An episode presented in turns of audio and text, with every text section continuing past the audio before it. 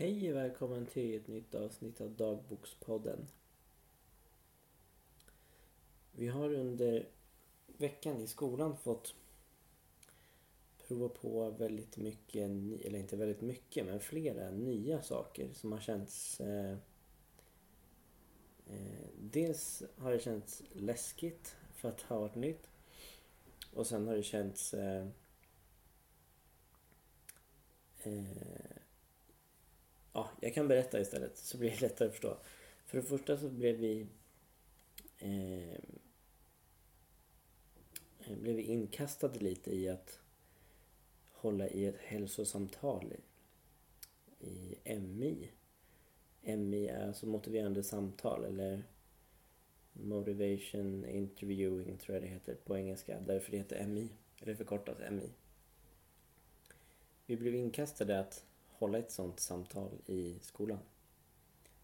Eh, och vi var flera som kände att det kändes jätteläskigt för vi hade inte vi har inte direkt fått träna på själva samtalsdelen. Vi har bara läst om vad det är för någonting det här med motiverande samtal och vad det innebär och sådär. Eh, men då fick vi göra det i grupp och då var det två stycken som skulle hålla i själva samtalet och ställa frågor. Och så var det två stycken som skulle eh, dokumentera eller skriva ner det som, som sades. Och vara lite fluga på väggen sådär. Och jag var en av dem som skrev.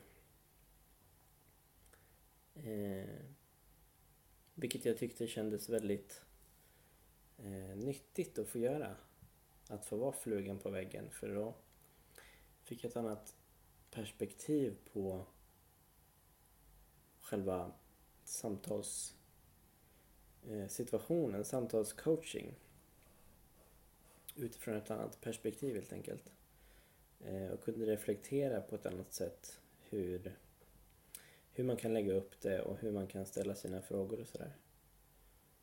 Eh, så det var en väldigt nyttig erfarenhet faktiskt.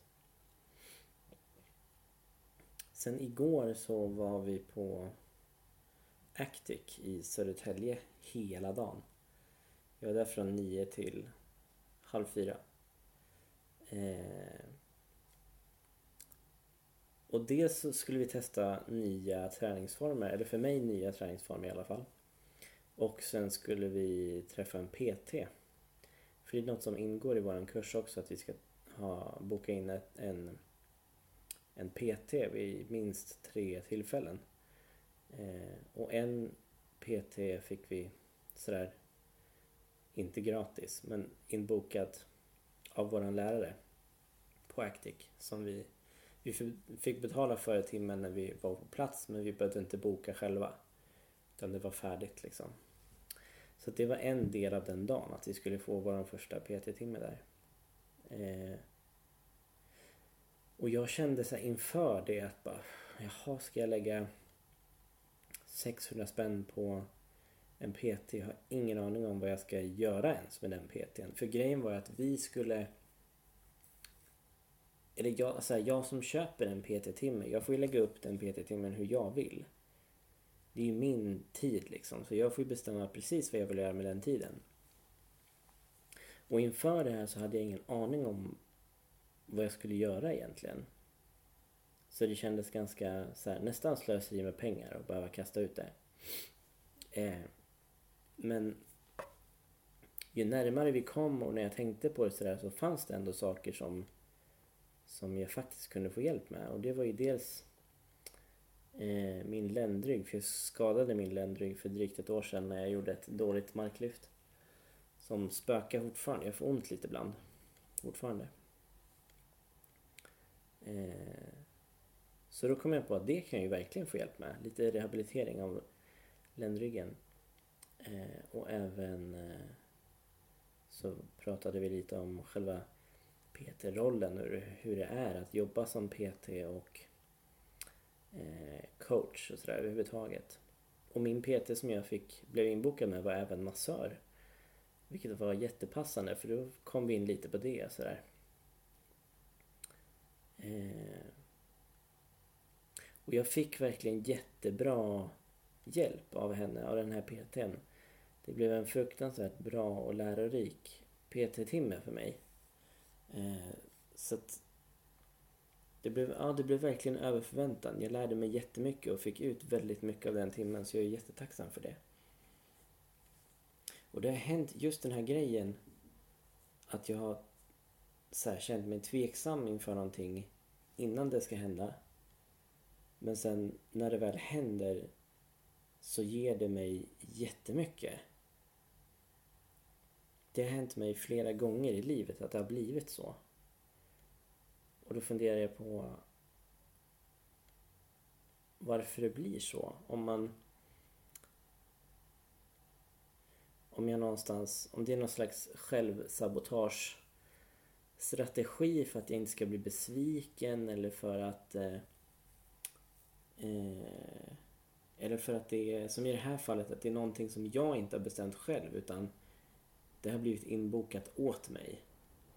Och då måste jag någonstans göra någonting av det fast jag inte har bestämt att jag ska göra det. På något vis. Det har inte kommit från mig liksom. Eh, att det är det, att man har blivit inkastad i någonting och då inte känner att eh, man kan få ut någonting av det för jag har inte bestämt det själv på något vis. Jag vet inte riktigt vad jag vill komma fram till egentligen men eh, ja, jag har i alla fall haft flera sådana tillfällen i livet. Du kanske känner igen dig, du som lyssnar, att man inför någonting känner sig ganska skeptisk men sen när man väl är i det så får man ut väldigt, väldigt mycket av det helt enkelt. Det visade sig ha väldigt stort värde. Eh, vilket ju är en jättebra grej. Men jag skulle ju önska att jag eh, mer ofta kunde se möjligheterna i sådana här situationer. Istället för att eh, tänka att det kommer bli slöseri med tid och att jag inte vet vad jag ska göra med det. Att istället redan från början försöka hitta det här så här. Eh, hur kan jag göra för att den här tiden ska bli värdefull för mig? Hur kan jag göra för att jag ska få ut någonting av det? För att jag ska lära mig någonting av det? Jag önskar att jag oftare och på en gång liksom kunde tänka det. Istället för att fastna i att jag eh, men att det känns slöseri med pengar eller tid eller sådär. Att jag inte vet vad jag ska göra. För jag tänker att allting vi utsätter oss för på något sätt eh, kan lära oss någonting eller vara av värde för oss om vi tillåter det att vara det. Och om vi om vi hjälper oss själva att skapa ett värde i det. Det beror ju på vad man, vad man går in med, så att säga. Eh, så det är väl lite lärdomen av den tanken.